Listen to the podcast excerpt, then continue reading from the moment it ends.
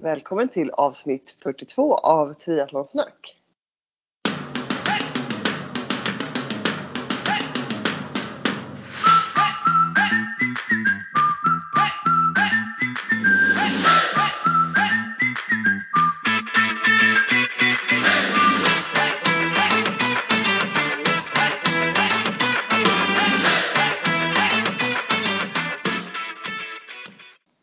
Med mig Sofia Häger och Therese Granelli.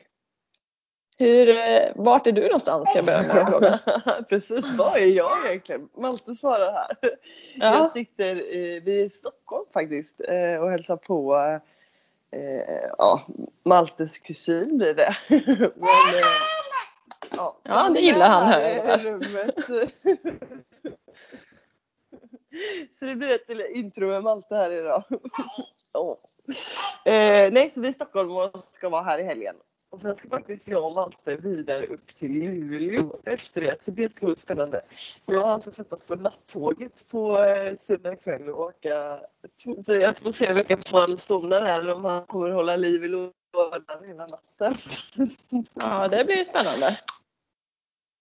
Så eh, dit. Så hon har börjat jobba på ett gym, eller gymkedja där uppe. Så jag ska faktiskt få gästa där och prata. Så det blir kul. Ja, kul.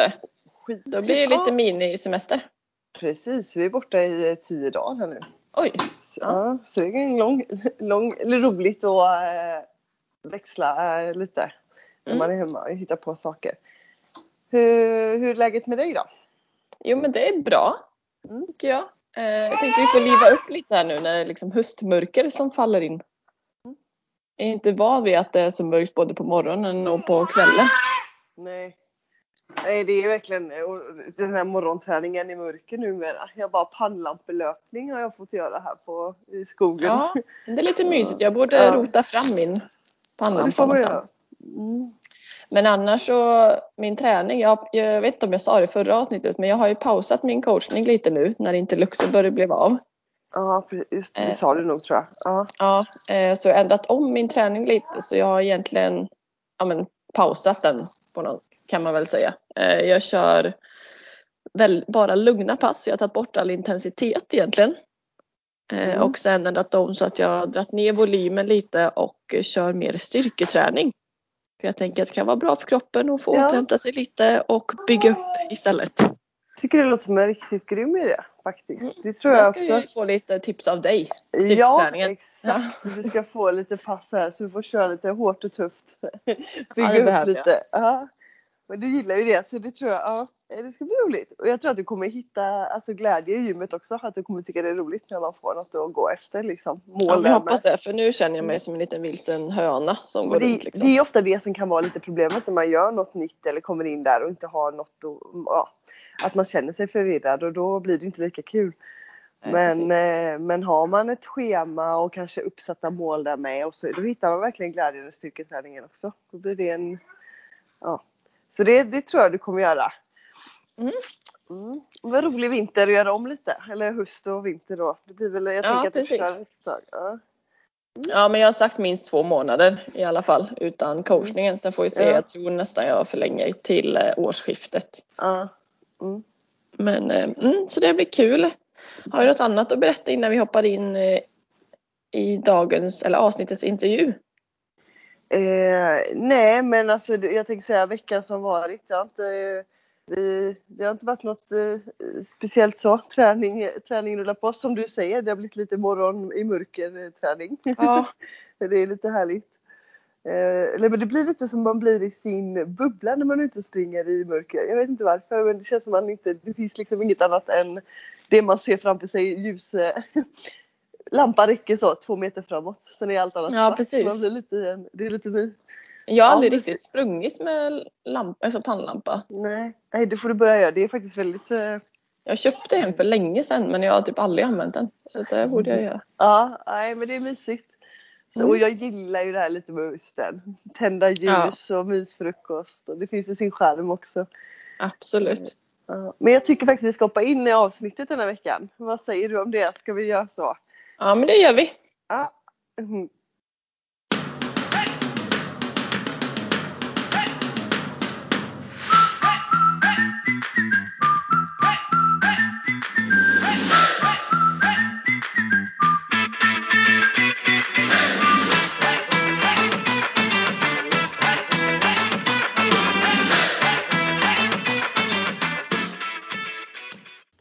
I detta avsnitt ska vi intervjua en önskegäst, Claes Björling. Han har en gedigen proffsbakgrund både inom triathlon och duathlon med väldigt många fina placeringar från 2001 ända fram till 2006 då hans kropp sa ifrån under en period. Eh, och den erfarenheten av just toppar och dalar är en del av det vi ska fokusera djupare på i detta avsnitt. Eh, men jag tycker att vi bjuder in eh, Claes i samtalet så får han berätta mer själv. Välkommen till Triathlonsnack Claes! Tusen tack för det! Känns hedrande att få vara med er och, och snacka lite. Ja, men det blir kul. Kan du börja med att beskriva dig själv? Ja, jag har blivit 42 år, bor i Västerdalarna i en by som heter Mockfjärd. Har en fru och en son som blir snart sex år och två små hundar. Och eh, ja, det är väl så jag här uppe lever jag och verkar idag. Så en, en levnadsglad 42-åring. Vad mm. pysslar du med i karriärsmässigt? Ja, jag ska inte säga att jag säger karriär. Min idrottskarriär fick väl räcka som det jag liksom karriärsmässigt så, men vad jag egentligen jobbar med och som jag brinner otroligt mycket för och sen jag har, som jag har gjort sedan jag la elitkarriären på hyllan för nästan tio år sedan är att jag coachar andra triatleter, i huvudsak motionärer och elitmotionärer som har mål och drömmar och visioner inom triathlon. Så ägnar större delen av min tid till att coacha dem genom samtal och e-mail och även givetvis skriva program då för att de ska nå sina mål och drömmar. Men sen är jag också ute och föreläser om ja, min historia och just det här med mål och ta med och motgångar. Och sen mitt tredje ben är att jag är tävlingsledare för Vansbro Triathlon. Så att det är väl de tre sakerna som jag gör i, i ja, på jobbtid men även in, intressemässigt. Låter väldigt eh, roligt får jag säga. Det låter verkligen som du jobbar med ditt eh, stora intresse. Ja men verkligen så är det och det var ju lite en sån här grej som gjorde faktiskt att jag la elitkarriären på hyllan när jag började tveka lite sådär om jag ville fortsätta eller inte. Men just att förfrågningar på personlig träning började rulla in och så kände jag att nej, men nu, nu växlar jag över för det är egentligen det som jag bara jag får hålla mig kvar i triathlonsporten och sen att, märkte jag ganska snart att få hjälpa andra och se dem utvecklas och vara en bidragande del i det var ju nästan roligare än att träna och liksom tävla och ha mina egna framgångar. Så då kände jag att äh, men då växlar jag över och, och kör det. Så att det är verkligen en, en dröm som jag har lyckats jobba upp och få hålla på med än idag. Fantastiskt. Eh, vill du själv berätta kort kring din elitkarriär och vilka svängar den tagit?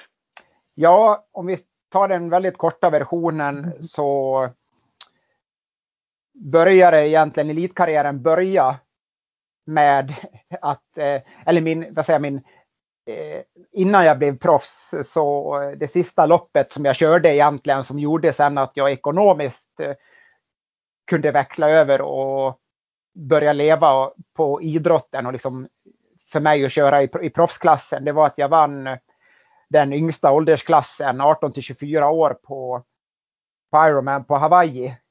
Och, och, det är det största man kan vinna mm. som, ja, som master eller motionär eller vad man nu ska säga. Så, och i och med den meriten också så fick jag ett par lite större sponsorer som eh, innan dess jobbade jag halvtid som idrottslärare. Men då fick jag ett par större sponsorer som delvis täckte det i alla fall. Så då, då kände jag också sådär att äh, det är nu eller aldrig. Så då året efter då så började jag på att eh, tävla i, i proffsklassen och börja på att resa mer och, och träna. Och det, resultaten gick ju spikrakt uppåt eh, under eh, fem år.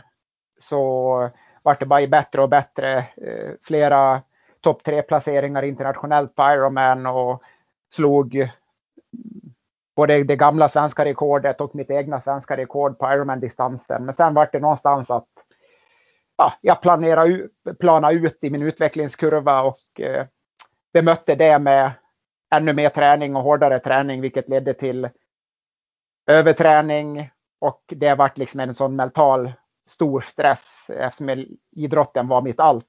Så då kortsiktigt sett så jag såg, ja, det var väldigt kortsiktigt tänk också, men då det var sån stress och överträningen ledde till utbrändhet Och eh, jag lyckades på något sätt med målmedvetet hårt arbete men hårt på det viset att bara försöka slappna av, ta det lugnt och liksom på det viset så och med, med mycket stöttning och rätt hjälp runt omkring så lyckas jag komma tillbaka tre år senare och eh, vinna då.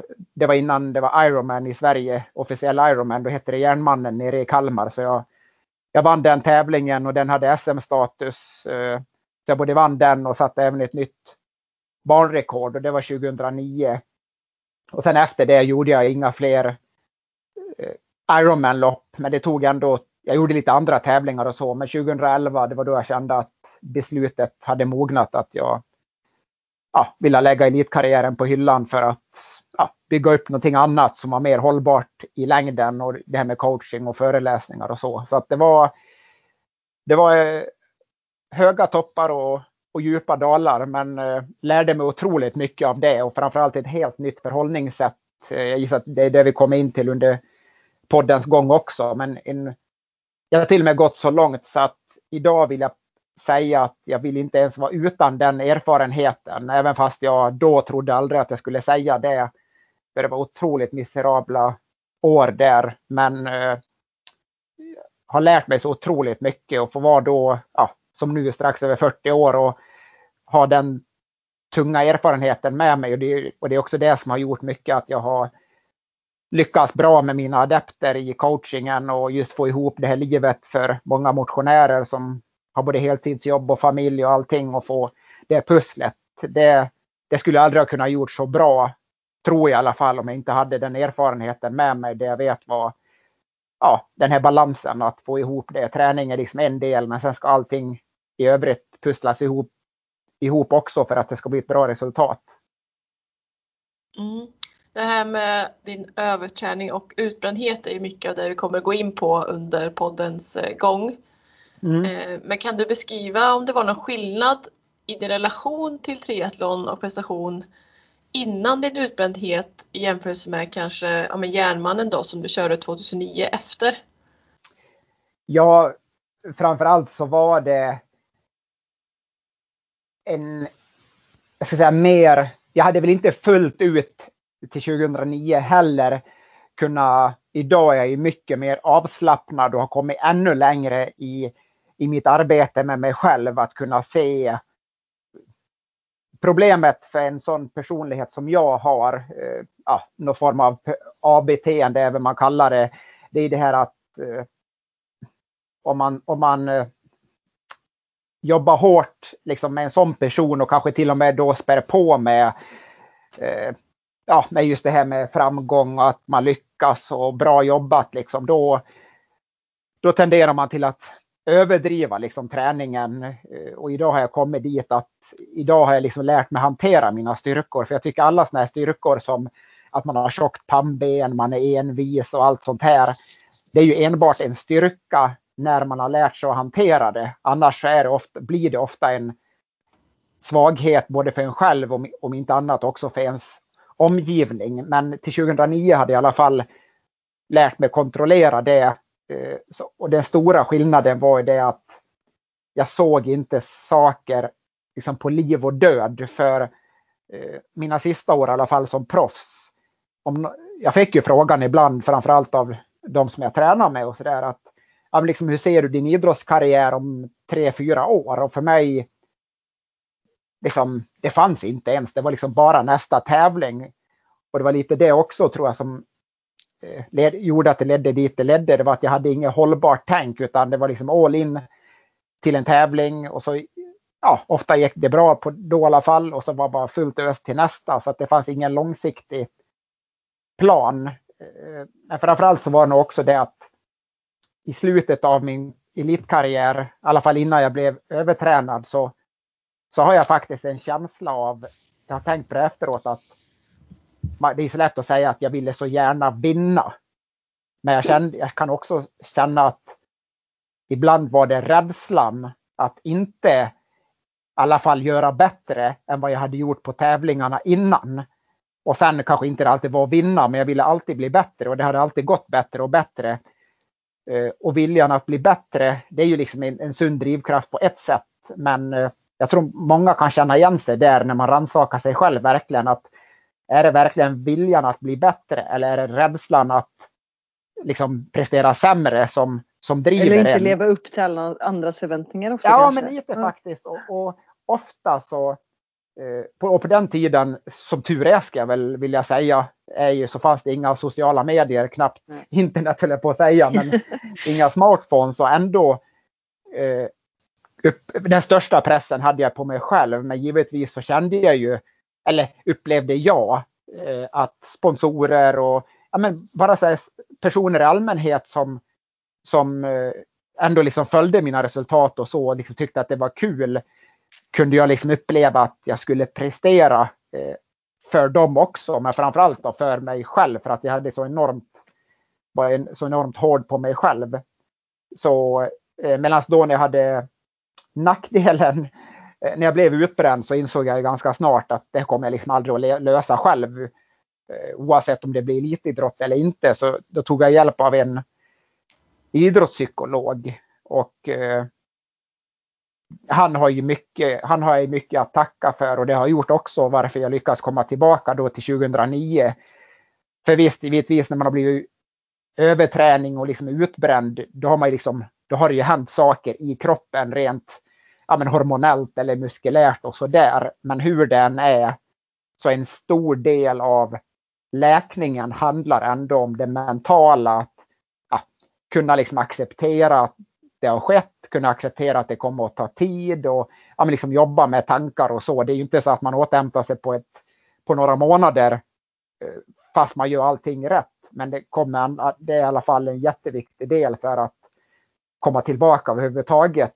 Eh, och det var ju det också, det nya liksom tankesättet som, som gjorde dels både att jag, kroppen började återhämta sig men, men sen liksom när jag åkte ner till Järnmannen där 2009 så min största dröm och önskan och det jag jobbade för egentligen när jag var som sämst där, det var ju som jag sa sista åren där som proffs så hade jag drivit mig ja, av både ångest och liksom press och allting. Men tyvärr så är det ju så, tror jag, väldigt många fall när jag väl blev utbränd och liksom idrottsbiten så röks ifrån mig så försvann ju till viss del då också kraven och pressen på att leverera. Och helt plötsligt så kom då också, då kunde jag nästan bli så otroligt liksom besviken på mig själv. Eller inte besviken är väl fel ord, men liksom så här att vad har jag gjort? Det är det här, liksom det här drömlivet som jag egentligen sedan jag var ganska ung någonstans hade en bild av att det här vill jag göra och tänk att få leva på idrotten och få hålla på liksom. Och så var det de första åren där innan jag blev proffs och även första proffs. Och även första proffsåren var ju liksom verkligen att leva drömmen. Men sen i, och- i det så tappade jag bort och det var mer och mer prestation i det hela. Så att det var eh, det var den känslan som kom tillbaka när jag åkte ner till Kalmar att det här gör jag liksom för att bara för att jag vill själv. Och det var någonting som min idrottspsykolog också sa till mig där. För så fort jag anmälde mig till Kalmar så, så började det på att bli snack om att jag skulle vara med och vem skulle vinna loppet och så. Och då sa han det när jag nästan började tvivla på om jag skulle åka dit. Eh, för jag vill inte åka dit för att prestera på det viset utan att jag bara kom till startlinjen var liksom min vinst som jag hade jobbat för när jag var som dålig, eh, så jättedålig. Och då sa han det att en jätteviktig sak som har följt med mig ända sedan dess, och det var det att eh, du kan, du har, man, man har svårt eh, att påverka hur andra människor upplever dig eller framförallt vad de tycker och tänker. Eh, och i den situationen då var det mer kopplat till att jag visste ju själv att jag hade liksom varit utbränd och övertränad i stort sett tre år. Det var kanske sista nio månaderna inför Kalmar som jag hade kunnat börja träna hyfsat. Men ändå fick jag vara jätteförsiktig och träna kanske inte ens hälften mot vad jag hade gjort tidigare. Eh, men han sa det att oavsett om du kommer ifrån den resan eller om du har varit på träningsläger i tre år så, så för jag kom ju dit då som svensk rekordhållare hur som helst. Och det är det många då liksom såg mig som. Och sen vad jag hade gjort sista tre åren, det var precis som att folk inte ja, hade ingen riktig insyn i det heller. Så han sa du kan, du kan på, inte påverka hur andra ser på dig men du kan påverka hur du väljer att ta in det och påverkas av det. Eh, så då liksom, okej, okay, det här är vad jag vill. Jag vill åka dit och jag försöker liksom inte skärma av mig, men jag vet själv vad som är viktigt. Anledningen varför jag åker dit. Eh, och det gjorde liksom att jag fick ett helt annat lugn när jag inte behövde åka dit med den pressen på mig själv att prestera. Och, och då på något sätt då hade jag lärt mig att inte ta åt mig av vad folk tyckte och tänkte utifrån, vilket ja, hade varit liksom lite av min fälla tidigare. Men vad var din anledning till att du åkte dit? Var det att, att du ville komma tillbaka på en proffsnivå eller vad hade du egentligen för tankar? Ja, en bra fråga men det, om jag, ja, men det är faktiskt det att Jo, det jag skulle komma till som jag kanske glömde bort i mitt resonemang, det, det var att sista åren som proffs då hade ju liksom min press tagit ifrån mig glädjen i idrotten. Liksom det hade dolts av press och mina ja, tankar och, och när det röks bort, då kom ju liksom den här då förstod jag ju vad idrotten egentligen hade betytt för mig. Jag började ju idrotta för att jag tyckte det var kul. Jag började med Ironman för jag gillar utmaningen och liksom fick så otroligt mycket ut av det. Alltså, alltså jag tyckte faktiskt det var väldigt, riktigt kul. Och då när det röks bort på något sätt eh, när jag blev dålig där så eh, då kom liksom glädjen tillbaka. Och att då vart det verkligen av, alltså av liksom, ja någonstans liksom av ren glädje så, så ville jag eh, åka ner och köra Järnmannen för att få uppleva det här igen som jag, jag innerst inne tyckte var roligt. Eh, både simma, cykla, springa i sig men också liksom den utmaningen att göra en Ironman och, eh, och sådär. Så att, eh, och det var ju också så när jag var dålig så behövde jag det var ju också så att diskutera med min mentala tränare där om det egentligen kanske inte är jättesunt. Liksom. Det var inte så att jag första veckan satt upp ett mål att nu ska jag göra en Ironman. Det blir ju en press i sig som inte är, utan det växte fram under tiden allt som jag såg att återhämtningen gick bättre. Så, men jag upplevde någonstans att jag hade varit så långt ner på botten och jag tänkte så liksom att det, det ultimata som jag upplevde det var att få stå på startlinjen på en, på en Ironman distanstävling igen och få känna den lite nervositeten men glädjen och få, få genomföra och de toppar och dalar man går igenom och sen också krossa den här eller passera fantastiska mållinjen och den känslan. Så det var verkligen av ren det hade ingenting med prestation eller att jag ska tillbaka för att visa dem eller något sånt. Utan det loppet var faktiskt bara av ren kärlek till, till triathlon som sport men också Ironman distansen som jag hade någon form av förkärlek till dem med den utmaningen. Och det var en stor skillnad då mot hur jag hade bedrivit mitt idrottande tidigare och någonting jag också hade lärt mig som jag tror många behöver, ja, som man lär sig genom livet ofta, det är att inte ta saker för givet. Och det är också sådär att få en frisk kropp, kunna resa jorden runt och tävla och träna. Det är klart i början tog jag det inte för givet, men sista åren det var i min vardag. Och, jag tänkte liksom, ja men så här kommer väl mitt liv att vara tills jag eh, ramlar av pinnen ungefär.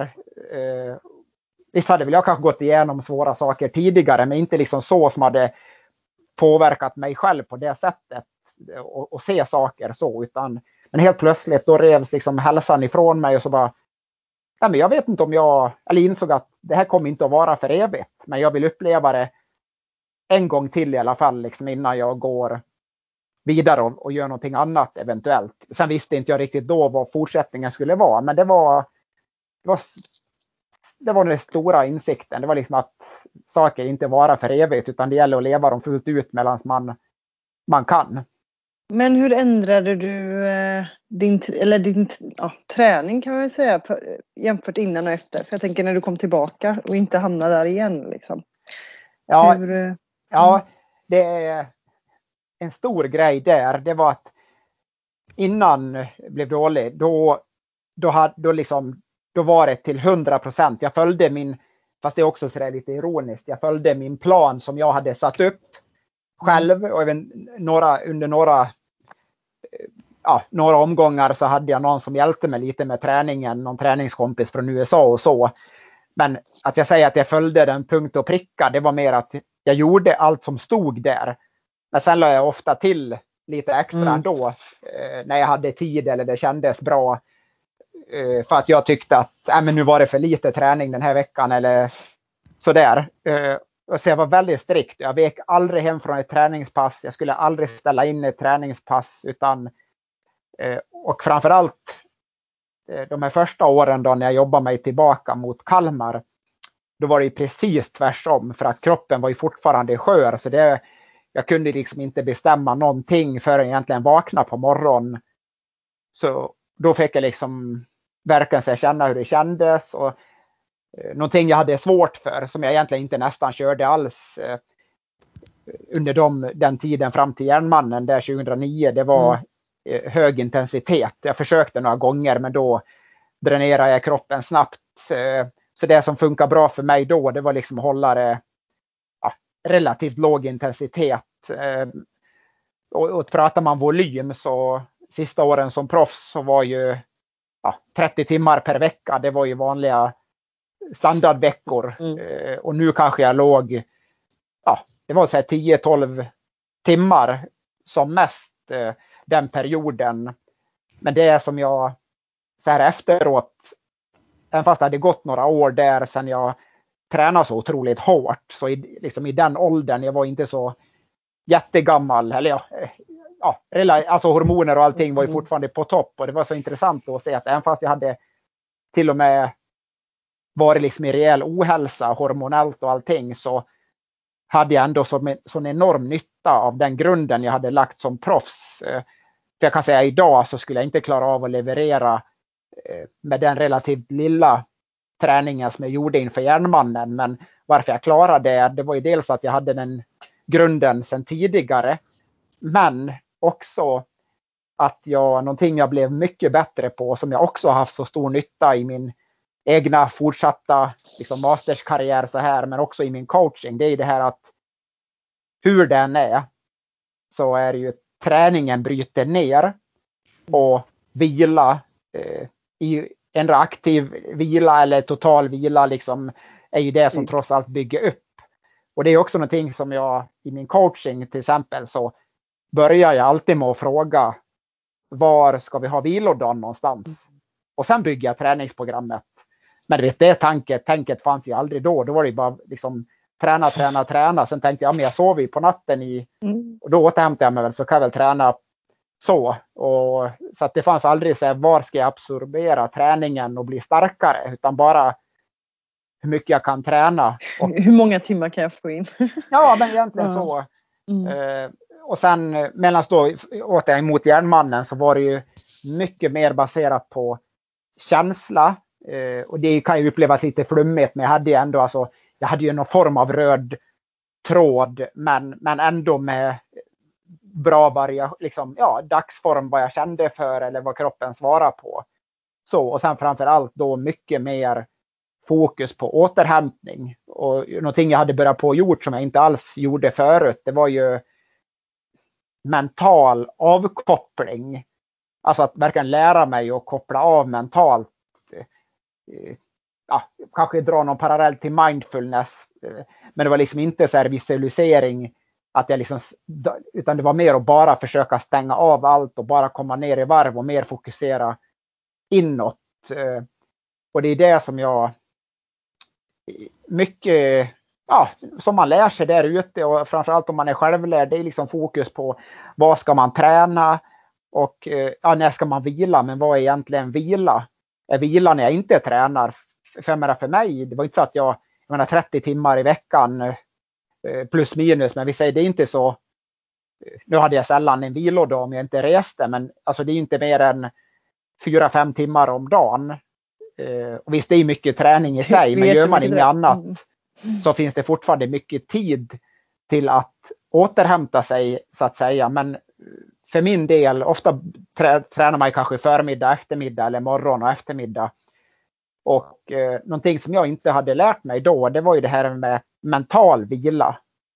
Så, och jag har, vi har ju talang för olika saker och jag kan väl, ja, jag har väl någon form av talang fysiskt, alltså att stark, uthållig, snabb, vad som helst. Men eh, någonting som, som kom fram där som egentligen gjorde att jag blev till viss del övertränad. Men sen framförallt utbränd, det är ju det här att, och det vet jag också när jag backar tillbaks, eh, så hade jag ju alltid svårt att koppla av mentalt om jag inte då aktivt gjorde något. Men du har ju vissa som tränar på heltid som eh, som jag känner igen som, är, som också då har den mentala förmågan att eh, koppla av fast de liksom inte har något annat. Men de tränar på förmiddagen och sen på något sätt så lyckas de koppla av, pyssla med något annat eller man äter lite lunch, lägger sig och sover och sen är det nästan så att de måste ha klockan på ringning för att komma ihåg att träna på eftermiddagen. Eh, och, och, eh, och det, då har man liksom fått in både bra fysisk och mental vila och är liksom laddad för eftermiddagspasset. Men för min del, jag gjorde ju så sista åren egentligen, att eh, då gjorde jag nästan all träning i ett streck, liksom i stort sett så jag var klar innan lunch. För då kände jag att då kunde jag åtminstone liksom gå in och, och vila mentalt, för jag visste jag hade ingenting mer den dagen. Men om jag till exempel eh, ja, tränar på morgonen före frukost. eller liksom körde ett simpass på, som vi gjorde ofta på morgnarna. Var klar vid nio, käka frukost och sen skulle jag göra nästa pass tre, fyra på eftermiddagen och skulle egentligen få sex timmars bra vila. Så, så kom jag ihåg det liksom att jag, ja, jag gick liksom och funderade på den där träningen. Så jag hade ju lika väl, så rent mentalt så var det som att jag hade tränat i tio liksom. timmar för jag hade mm. aldrig kopplat av eh, liksom och, fått, och kommit och för det är det är ju minst, skulle jag vilja, det är minst lika viktigt som den fysiska vilan. Och det är någonting vi ofta glömmer bort, upplever jag själv. Och det är framförallt Eh, ett problem då när man kan börja på att göra någonting på heltid, som att träna på heltid, fast man, man kan ju inte träna hela dagarna utan det blir som uppbrutet. Och då är det just det här att hur man mentalt kopplar av mellan träningspass. Så för mig till exempel då innan jag blev proffs, när jag faktiskt hade en halvtidstjänst som lärare, det var ju nästan det ultimata för mig, eller det, det bästa för mig, för då kunde jag träna på morgonen och så en halvtidstjänst som gympalärare, liksom planeringstid och så kunde jag ju hemma, så det var inte jättemånga timmar på, på skolan varje dag. Eh, men då hade jag liksom något som bröt av någonting annat att tänka på. Och, och sen givetvis när jag blev proffs, det var ju fantastiskt att bara få träna hela dagarna. Liksom. Men det var liksom eh, ganska snabbt så här med när jag tittar tillbaka så blev ju det ett problem som följde med mig för att jag eh, hade ingenting annat utan allt kretsar bara kring, kring idrotten. Och det, det skulle jag ha behövt hjälp med. Så Rune som idrottspsykologen hette som jag började jobba med inför, ja, när jag blev utbränd. Eh, nu vet jag inte om jag skulle ha varit mottaglig för det innan, vill jag ärligt säga. Men det är det verkligen... så att man behöver nästan hamna, alltså, hamna där för att vara mottaglig. Ja, vissa av oss i alla fall. Ja. Och jag, jag kan, nog, kan nog ta på mig att jag trodde nog att jag tyckte jag kunde det där bäst själv. Men jag, jag är liksom ändå det, för mig handlar det kanske mer bara om att vid rätt tillfälle att, eller att man får, får det förklarat på rätt sätt. Eh, eh, för innan jag började med triathlon så då satsade jag lite mer på löpning och hade en, en duktig löptränare och sådär. Eh, men det var lite samma sak där. Jag har haft lite för snälla tränare eller bollplank som har och det kanske har varit för att jag har bemött dem på ett visst sätt. Eller jag vet inte, men de, det var ungefär som en, en läkare som jag fick kontakt med då när jag blev utbränd. Men om vi pratar, jag... jag... får bara bryta in lite för att ställa något tillbaka. Men eh, kan, man, kan, kan, du idag säga hur, eh, eller förklara för oss hur man kan tolka signaler för överträning? Eh, förstår du vad jag menar? Alltså när man börjar på få tecken på överträning. Ja men exakt. Hur, hur börjar kroppen reagera? Hur blir signalerna?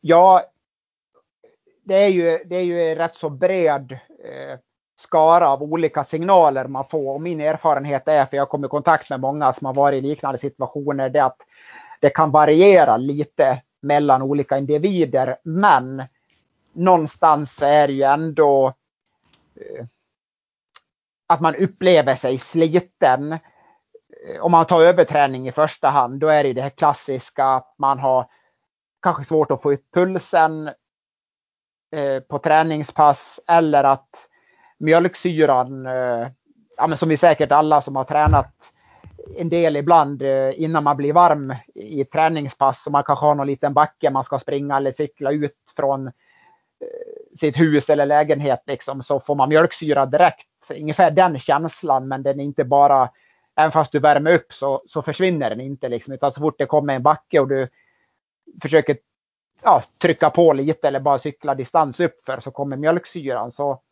så svårt att få upp pulsen. Eh, du får mjölksyra tidigare. Eh, en allmän känsla givetvis av trötthet eh, muskulärt men också eh, mentalt. Eh, en annan sak som jag gäller de allra flesta om man nu får man ju liksom ransaka sig själv här, för jag menar som elitidrottare, om man har pushat sig till, över, till mot överträning så är man ju otroligt driven. Men om jag tittar tillbaka så någonstans så började det här som jag hade tyckt varit så himla roligt att träna och leva det livet. Det är det börjar inte på att bli lika kul längre. Eh, det är också tror jag en klassisk symptom att eh. Ja, man tappar glädjen i det man gör och det, och det tror jag faktiskt är den, lite egen vinkling av det. Men, oavs, men det tror jag är någonstans, eh, om man nu tror på de här sakerna, att kropp eller hjärnan försöker då få oss att tycka det vi gör ska inte vara stimulerande för det håller på att leda till att, ja, till att det blir för mycket.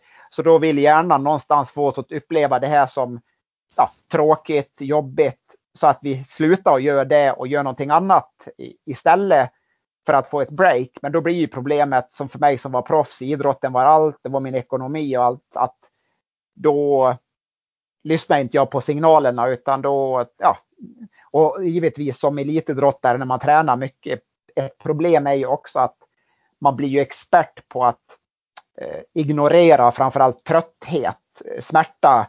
Liksom, det, ja, ja, det beror på hur man be, eh, benämner smärta, liksom. men framförallt trötthet. Man är ju trött för det mesta för man tränar ju väldigt mycket hela tiden i stort sett. Eh. Men det är just att skilja, skilja på, för jag kan ändå säga att jag så här i efterhand känner ändå när det är liksom trötthet som är naturligt för att man har kört en tuff vecka mot när man går in i mot överträning. Men det som är viktigt tror jag att koppla det till flera symptomer.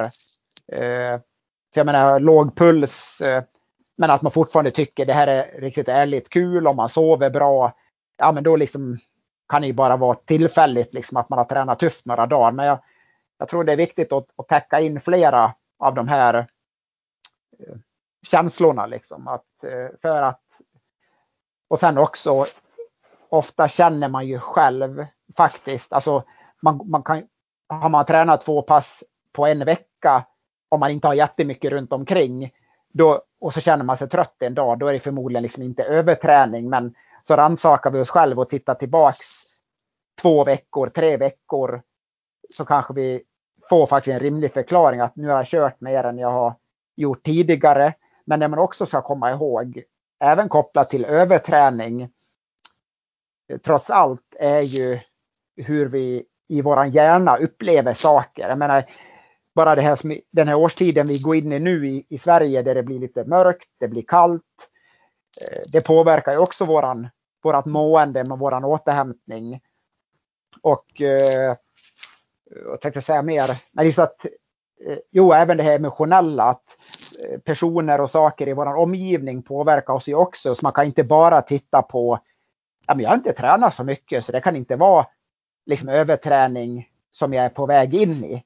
Eh, för vi påverkas trots allt även, och då kanske inte träningspassen i sig, men just återhämtningen påverkas ju av allt emotionellt också eh, runt omkring oss, både i mörker med relationer och allting. Så Så är, är det någonting som påverkar oss, eh, har vi det tufft runt omkring så har vi ofta sämre återhämtning. Så då kan det leda till överträning fast vi inte kanske har tränat mer. Men, eh, nej, just eh, de här med puls och, och mjölksyra och eh, en, en allmän trötthet eh, är väl det som, eh, ja, som är väldigt som väldigt många känner igen sig i.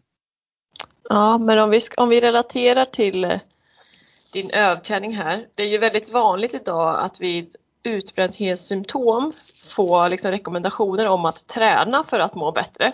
Ja. Eh, men hur hanterar man vid en överträning när liksom det är träningen som är själva boven och det blir sån stor, ja, som du beskriver, prestation och press, att allting i träningen blir jobbigt? Ja, jättebra hur, fråga. Hur ska man hantera ja, det? För det här kan jag också känna är att oavsett all, all, liksom, och det här blir all respekt att vi oavsett om man är läkare eller psykolog eller vad man än är så man har läst och studerat och fått en utbildning. Men sen är det trots allt liksom det verkliga livet, vad man själv har varit med om som spetsar på den kunskapen och någonting som jag har varit eh, fått bemött, eh, till exempel det här som du säger nu med att det är bra att röra sig eller till och med, men att eh, någonting som jag fick, det var liksom att eftersom det hormonella systemet är ur balans eh, både av vid överträning men också utbrändhet, är att, ja, liksom tung styrketräning, det är bra för det liksom boostar det hormonella systemet, de är tillväxthormon och sånt som ska vara bra för läkning. Men du vet, så fort jag gick in i gymmet och lyfte en stång och det var liksom inte då bara av mental stress, eh, men kroppen tålde inte den belastningen. Eh, och där tror jag det är en sån sak som ibland man får liksom fel råd eller man i alla fall uppfattar det fel. För att säga åt någon att, som har tränat alltså på hög nivå eller hårt och mycket att ja, men du ska träna lite försiktigt. Eh, alltså till en sån person för att fortfarande att röra sig eh, i det mest akuta skedet. Så då, då tror jag man ska bara försöka komma ner i varv och vara ja, möjligtvis gå ut och sätta sig på en pall i solen om det, om det är en sån dag. Men det man måste komma ihåg är att eh, när man är riktigt sliten innan det eh, så eh, alltså lugna promenader är det man kanske är mottaglig för. Så att träning, det beror på, det är, det är så svårt här för det överträning är ju väldigt liksom brett var man är i, i hur grav, grovt det är. Och kopplar man sedan det till utbrändhet så är det också olika steg så att säga. Men ett väldigt vanligt misstag, jag tror man ska aldrig säga att någon ska träna som har blivit, som, som har någon grad av utmattningssyndrom. Alltså och sen om det är kopplat till överträning eller utbrändhet. Men eh, för jag upplever allting som i alla fall höjer pulsen, alltså mer än en lugn promenad. Det, I början så dränerar det. Men hur ska man då komma tillbaka om man har om man säger att man har blivit utbränd, utbränd där träningen har varit en stor del av det. Hur ska man, ja. hur ska man komma till rätta med det? Ja, det om man ändå så. vill komma tillbaka ja. och träna. Ja, det, ja, det, eh, har du något svar? Problemet som jag kan uppleva också då när man, när man till viss del har hamnat här på grund av träningen. Men, men det, det man måste komma ihåg det är sällan faktiskt, även fast det inte har kommit, kommit eller att det liksom har blivit utbrändhet, men överträning. Ofta så är det kopplat till, om man ska vara riktigt ärlig, någonting som också är på sidan utanför eller sitt förhållningssätt till idrotten. Eller är det liksom egentligen det här jag vill? För, för jag upplever i alla fall att när jag verkligen, jag menar, det är det här jag, jag älskar det här och liksom man är i harmoni med familj, vänner. Alltså, då är det nästan svårt att bli övertränad. Eh, givetvis så, så går det, men ofta så krävs det någonting runt omkring som heller inte upplevs hundra. Det kanske är till exempel att man håller på med en idrott, ja, men som triathlon, där man reser mycket om man liksom egentligen trivs man jättebra hemma, man får hemlängtan eller vad det nu må vara för något. Men ofta, ofta så tror jag det är något sånt eh, inkopplat också. Så det är nog minst lika viktigt liksom att tänka i de banorna. Men pro pro problemet för någon som tränar, även en motionär kanske har börjat upp, eller upptäckt idrotten för att eh, ja, men det är så bra stressreducering från jobbet eller jag får komma ut och ja, röra mig liksom och det känns så bra. Och för mig var det verkligen så. Jag, har ju, jag lärde mig och all, all, både alla toppar och dalar i livet eh, bemötte jag med träningspass. Eh, och då helt plötsligt eh, när, man, när jag då liksom blev övertränad. Det enda jag hade för att eh, för att bemöta mina känslor, eh, glädje som sorg, var ju att träna. Så det var nog det svåraste. Det var att jag hade inget annat redskap att eh, ta till när jag kände stress eller något sånt. Och det, jag tror det är det, det är också så där för mig idag att det är så otroligt eh, viktigt, inte bara att ha saker utanför idrotten som betyder något, men också ha en, en, en liten eh, verktygslåda med saker som, som man faktiskt kan, kan använda för att komma ner i varv och komma in i återhämtning som inte är ännu bara ut och jogga en halvtimme för att det känns så bra. Eh, så, och jag tror ju där att många som har liksom funnit idrotten som en del liksom av att man mår bra och det, mot stress och allting. Så jag tror man, det man ska göra är också att verkligen anstränga sig för att lära sig att koppla av eh, ja, i någon form av meditation eller mindfulness. Eh, för man kan faktiskt, förutom liksom den hälsofrämjande delen att röra sig, men har det gått till mot, mot någon form av överträning, då, är det inte, då har man ju rört sig för mycket. Eh, och jag tror det blir som det varit för mig. Då blir det sån enorm stress för man, man känner, jag kände ju någonstans sista månaden där att jag behöver vila och ta det lugnt. Men jag är så uppe i varv och, och idrotten får mig att må så bra. Så gav jag mig ut och jogga en sväng. Eh, och det hjälpte ju en timme, sen vart ju allt bara sämre. Så, så det jag skulle ha gjort i det skedet redan, men det, jag hade inte den verktygslådan, det var ju att eh, okej, okay, hitta ett annat sätt att lära mig att koppla av. Eh, sen när man har kommit tillbaka en bit, då kan absolut eh, lätt, lätt träning fungera som eh, att man tar till det igen som en del liksom av rehabiliteringen. Men, men, men för, för, i början så hamnar det bara liksom om lugna promenader.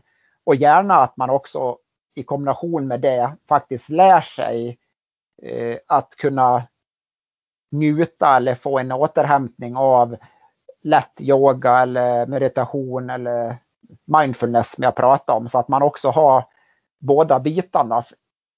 Eh, för hur det än är, man, när man är övertränad och liksom, när det är återigen för mycket sån belastning som har gjort att man har hamnat i en, i en, dålig, ja, i en sämre hälsa, då, då måste man ta bort det Eh, i, till, till, stor utsträckning. Men då är det just att hitta någonting annat som inte är destruktivt i form av alkohol eller ja, någonting annat eh, som får en att koppla av så, för det blir också bara dåligt på sikt. Eh, och det, då gäller det att jobba med att försöka komma ner i varv på andra sätt. Men har du några tips på hur man kan jobba med sig själv om man känner en stor ångest över vilodagar eller missade träningspass? Ja, det, det, det vad ska jag säga, man måste inse precis det här jag sa, som jag själv har insett, eh, att det är trots allt vilan eh, som gör oss starkare, friskare. Eh, och det här får man ju vara försiktig vem man säger det till givetvis. Men nu sa, nu sa ju du just då kopplat liksom till någon mm. som faktiskt ha, tränar överdrivet mycket som, in, som har svårt att vila till och med kanske en dag i som veckan. nästan utan- har det som ett beroende då. Man kan inte vara utan träning. Nej, precis. Och, och prata med min för mig, det är därför jag har lärt mig just att man får vara Mm, försiktig med mm. vad man säger. Det- För annars får man höra, "Ja, men Claes han sa att eh, man ska vila mycket så jag ska inte Ja, träna. exakt, jag ska vila varje dag. Ja, precis. Nej, men det, det är just det här att, och jag faktiskt hjälper en kille nu lite sådär på distans eh, som, eh, som har just det här problemet. Och det är just att bara mata i det här med att försöka få, få, få personen att förstå att eh, och sen kan det också vara så här. Det man också måste koppla det till trots allt, det är så här, ja men varför är du så rädd att vila? Eh, förmodligen är det ju inte för att jag älskar att träna varje dag, för är det trän, liksom, det utan ofta i det, i det beteendet med att träna varje dag. Eh, det är ju kanske någon form av ätstörning, alltså någonting annat som gör eh, eller att man har sådana problem i en relation eller någonting som gör att jag bara måste ha min eh, eh, min, min drog. Men visst, träningen är ju också en beroende i sig. Men ofta så är det någonting man ändå rymmer ifrån som, varför man behöver träningen. Eh, men, men eh, om man nu inte skulle se det så utan bara liksom kopplat till kanske till och med att man då tränar varje dag för att också i alla fall säga att man gör det för att bli bättre eh, och utvecklas. Då är det just det här att vilan är så viktig för att du överhuvudtaget ska bli, kunna bli snabbare, starkare, uthålligare så är det ju vilan som bygger upp. Eh, trots allt. Eh, så, så det är att försöka verkligen för, komma till insikt med att eh, vill jag bli starkare, friskare och allt det här och att träningen ska vara någonting positivt trots allt. Även fast jag vill prestera så är det och eh, vilan som, eh, som, ja, som är själva framgångsreceptet. Eh, sen kan ju också vara att försöka hitta något, allt, för det kan ju också vara så här att en Ja, du vet, livet rullar ju på för många och så där att helt plötsligt liksom ha en och vi är rutinmänniskor, många av oss, att också då kanske på en vilodag kanske det är jättesvårt att vila om man ser det som vila. Eh, För det är också så här faktiskt eh, i min roll som coach, så jag, även de som kan träna ganska mycket så har jag en träningsfri dag i veckan. De får träna dubbla pass sex dagar i veckan, men en träningsfri dag. För att då tvingar jag dem till, dels att inte liksom bli träningsberoende så, men att också ha en dag till att ja, till att ägna till någonting annat. Vänner, familj, eh, extra tid på jobbet om det krävs.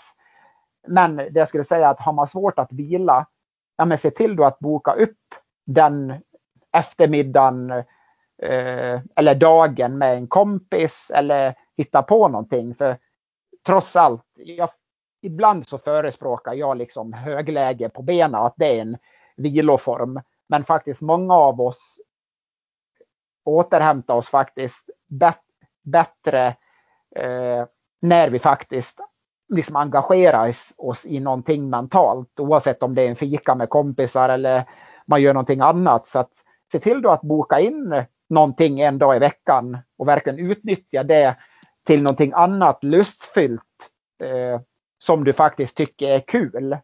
Så att inte vilan blir bara Åh, jag tycker det är så tråkigt, ska jag sitta hemma och titta i taket? För då är det naturligtvis lätt att ge sig ut. Men eh, någon, eller kanske bara säga, ja, men om man har lite kompisar utspridda, ja men om man inte kan ses så, ja men passa på att ringa en kompis och snacka lite. Men att man, man bokar in någonting annat lustfyllt och roligt på sin vilodag så att det inte blir bara dåligt och tråkigt en sån dag utan att man faktiskt gör någonting kul.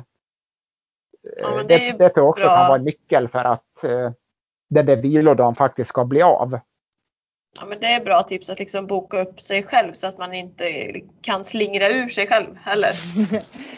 eh, på något sätt. Men eh, om du skulle kunna ge några tips till våra lyssnare som är liksom prestationsmänniskor som ofta går på högvarv Ja, och som är kanske som kallade elitmotionärer. ja. Eh, om du har några tips till dem för att bli mer avslappnade för att inte liksom rinna över kanten ifall de ligger på gränsen till utbrändhet fast de inte vet om det. Ja. Har du några tips eller sånt som man kan ta del av lite även om man inte vet om man ja, ligger på gränsen eller inte? Ja, alltså rent generellt någonting som har hjälpt mig i det jag gör. För jag ibland brukar säga så, är det någon gång jag borde bli utbränd så är det liksom i den, ja, som de sista två åren har varit i mitt liv. Eh, för titta egentligen, hur kunde jag bli utbränd som idrottare? Alltså jag hade all tid i världen att bara träna, sova, äta, återhämta mig. Medan nu, nu ska jag få hela livspusslet med barn, familj, liksom allting att gå ihop. Men skillnaden idag är att dels att jag liksom inte eh, ja, det låter dåligt att säga det, men för mig tar saker lika allvarligt. Eh,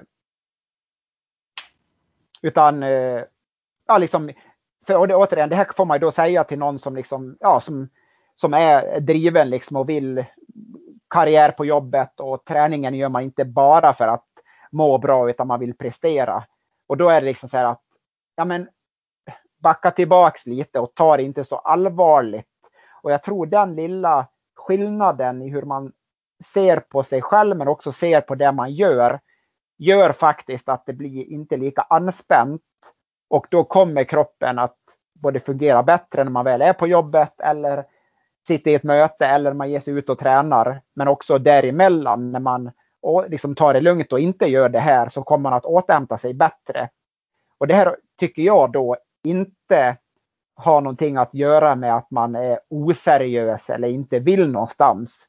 Utan eh, och det är därför man får skilja liksom, återigen vilken man säger det här till. Men just det exemplet du sa, så ta inte saker så allvarligt. Och eh, en, en, en förändring, liksom att och förändra lite i träningspass eller en träningsplan eh, efter hur den dagen blev att se ut. Du hade tänkt att göra det här. Förutsättningarna blev lite annorlunda. Du kanske måste vabba barn eller du jobbar över på jobbet. Du fick inte lika mycket tid till det här passet. Ja, men korta ner passet, eh, se till att göra någonting men korta ner det bara och liksom dra inte in på sömnen, dra inte in på stressa igenom måltiderna. Så att de här förändringarna som sker, som trots allt blir anpassade till våran vardag när det väl sker, att det är ingen... Oftast är det, är det så också som jag eh, coachar idag. Jag gör ett schema men sen går in och hela tiden justerar när förutsättningarna ändras. Eh, många tror ju att jag har ett tio månaders program eh, som är bara liksom copy-paste och köra. Jo, men visst, hade man inget annat i sitt liv så skulle det funka. Men ett optimalt träningsprogram är ju hela tiden någonting som justeras efter hur livet eh, sker varje dag. Eh, så att eh, våga förändra, eh, ställa in pass eller flytta pass, korta ner pass så och, och veta att det är faktiskt helt okej okay och det är kanske till och med det som leder dit jag vill.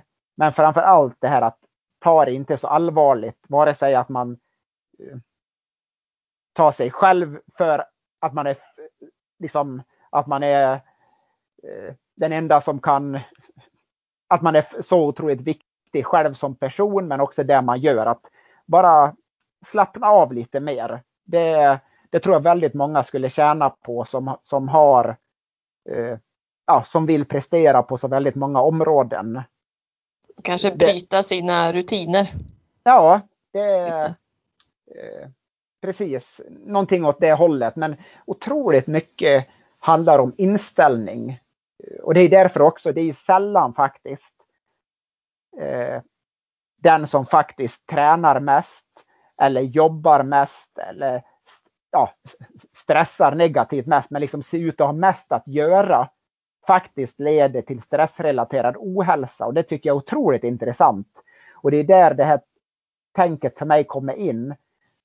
Att det är ju faktiskt inte alltid vad vi gör faktiskt, utan det är hur vi förhåller, förhåller oss till mm, saker vi gör som har jättestort inflytande till mm. vad vi faktiskt klarar av.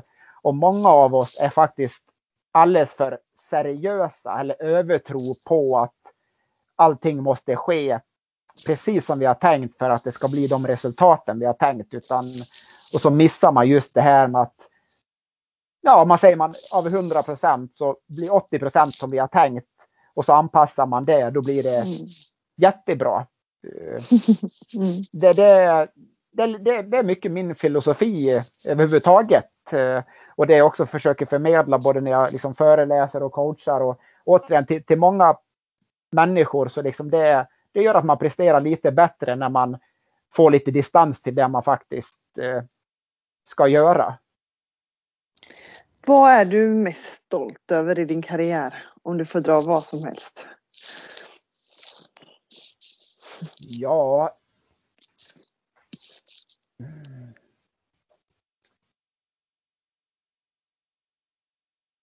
Nu vart det tyst här.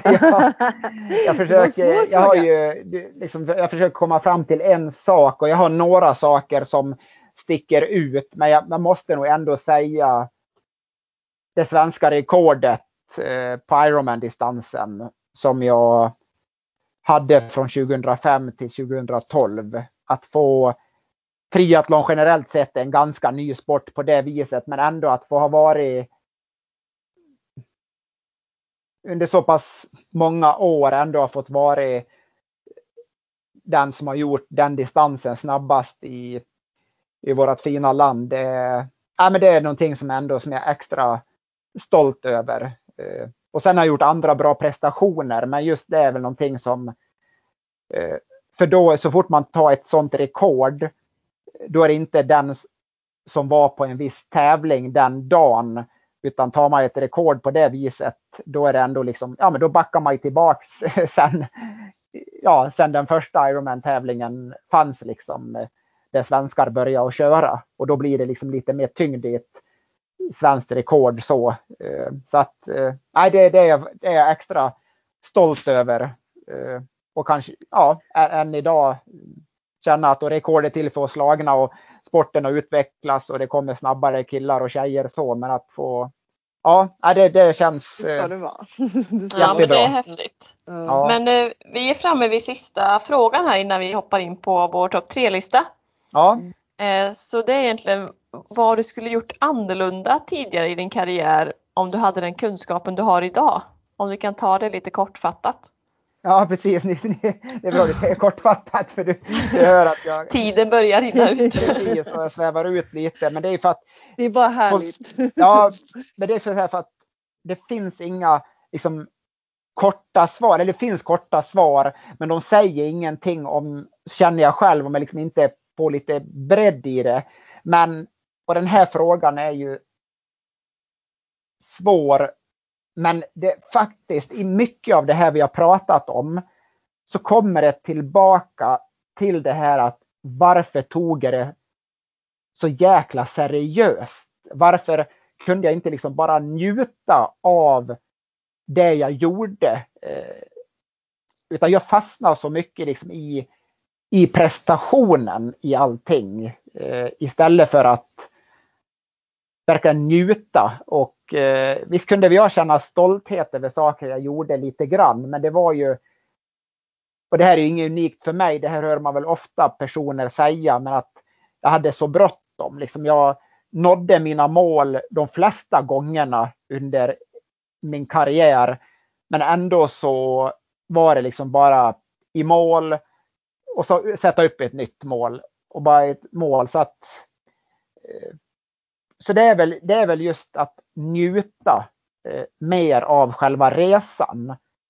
Och det är också någonting som jag har blivit bra på idag. Det är att njut av resan. Målet är inte allt. Målet kan vara det som triggar och som känns stimulerande. Men njut av resan och även som elitidrottare. Det är klart att det är tävlingarna som är pricken över i och framförallt det är där man får prispengar, man gör resultat, får sponsorer. Men man försöker verkligen njuta av, av resan. Den, det är nog det som jag generellt sett, eh, om man ska summera lite grann vad jag skulle vilja ha förmedlat till vad jag önskar att jag visste eller tog, tog vara på den tiden på det sättet. Att, eh, men det är väl för det lite att vara ung och sådär. Då tror man ju att saker kanske är för evigt och man man har inte så mycket livserfarenhet runt omkring. Så, men det är lite det generellt som vi har pratat om, att slappna av och ta det inte ta inte dig själv på för stort allvar och, och njut av, av, av resan. Så då kommer du att nå dina mål och, och sen också just det här att våga fira dina, när du når dina mål, eh, så verkligen våga fira dem. Det, det, det slutar sällan med att man blir så nöjd så att man lägger av och, och liksom mm. gör något annat. Men liksom att verkligen ge en klapp på axeln ja. på riktigt. Oavsett om det är inom träning eller jobb eller familjemässigt man kämpar och når något. Att liksom verkligen fira och njuta av det. Och det kan man göra samtidigt som man är otroligt seriös i, i det man gör. Då har vi kommit... Ja, vänta, bara en, en, en konkret grej för att verkligen vara väldigt kortfattad. En mening. Det är att ta hjälp av en mental rådgivare, eh, mental coach, eh, idrottspsykolog tidigt. Eh, för det, för väldigt många kommer det att vara skillnaden eh, både liksom inom idrottskarriären men också sen. För det, som jag sagt mycket, det är många som fokuserar bara på det fysiska. Och jag vill påstå att i alla fall om man ska ha en lång karriär och framförallt kunna njuta av den, då är det få som har den talangen med sig utan att jobba med någon som också man jobbar med det mentala. Så ta hjälp på den mentala sidan lika väl som man tar en fysisk coach. Det är väl mitt konkreta tips om inte annat till alla som eh, är ute där och, och har framtiden för sig idag. Bra, riktigt bra tips. Eh, då har vi kommit till veckans topp tre-lista. Och av dig Claes så vill vi ha dina tre bästa tips till en eh, A-prestationsmänniska som är eh, elitmotionär inom triathlon. Eh, som då också ofta har jobb, familj och så vidare. Eh, och så vidare. Ja. ja. Då blir det en liten summering av det vi har pratat mm. kring, för vi har ju touchat det här och det är våga förändra din träningsplan. Våga förändra eh, när, när det behövs. Nästa är att se till att inte bara mellanmjölksträna. Det är ett stort misstag både motionärer, men framförallt motionärer gör även elit till viss del, men motionärer kör lugnt när det ska vara lugnt så att du är pigg och fräsch och motiverad och köra hårt när det ska vara hårt. Eh, och det skiljer ju på året och sådär, men rent generellt att se till att dela upp träningen. Sen närmare säsong då blir det ju mer mellanmjölksträning, i alla fall om man håller på med långdistans triathlon, för det är ju våran tävlingsfart. Men se till att inte det blir det här jämnhårda hela tiden. Uh, och då sa förändra, våga förändra en träningsplan uh, och uh, kör kort eller få intensiteten hårt eller lugnt. Och sen det tredje, det är att var lite mer ödmjuk till dig själv och slappna av och ta det inte på för stort allvar. Det, det är de tre som... Eh, Mycket bra. Ganska bra, mm. ganska ja. bra summering av själva mm. intervjun. Mm. Ja, jag kände det att det går liksom en liten röd tråd i det jag har snackat om. Och du hör ju lite generellt så där vad min filosofi idag generellt sett. Det, det blir lite flummigt, men det är så otroligt många andra som förmedlar saker i siffror, ramar, både inom träningsupplägg men livet i stort. Eh, liksom allting ska vara så jäkla fyrkantigt och vet, det finns träningspass och formler de kommer fram till som att gör det här träningspasset en gång i veckan så blir du världsmästare och, och sådär. Och liksom, det är liksom bara, ja, inte bullshit liksom, men jättebra redskap och pulsklocka, vattmätare och allting. Men lyssna inåt och liksom att våga eh, våga lyssna liksom på det som egentligen ska styra din, din träning. Och eh, våga pausa kanske och faktiskt då Ja, lyssna. det också. Eh, och fastna liksom inte i alla de här yttre sakerna. Eh, utan lyssna hur det faktiskt känns ja, inne i kropp och knopp. För där har vi liksom ofta svaren, bara vi lär oss att lyssna och kommunicera. Så då, det är så jag bedriver liksom min egna träning idag och mycket jag gör. Det är liksom vad, det är klart jag har en röd tråd, men resultaten blir så otroligt bra också förhållandevis med min insats för att det, eh, det sker på, med helt andra på ett helt annat sätt mot vad det gjorde förr. Och också det här, om man ska bara ta ett, ett, eh, en liten gräll, ett tips till alla som tränar där ute som har då en övertro på de här intervallerna eller det här långpasset. Och någonting som jag också använder i min coaching.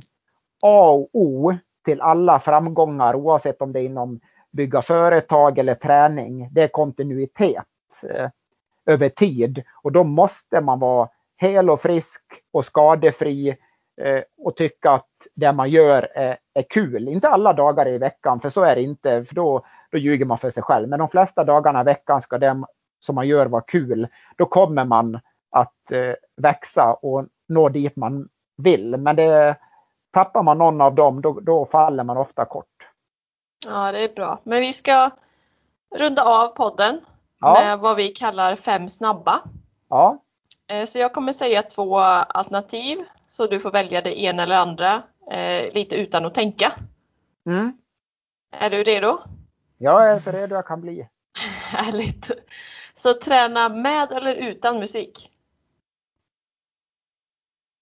Med. Träna på tidig morgon eller sen kväll? Tidig morgon. Sprint eller olympisk distans? Olympisk. Skavsår eller håll? Skavsår. Varma eller kalla förhållanden under tävling? Kalla. Bra! Var ganska rakt, rakt på. Var lite duktig. Jag sa ju ingenting annat än bara det ordet.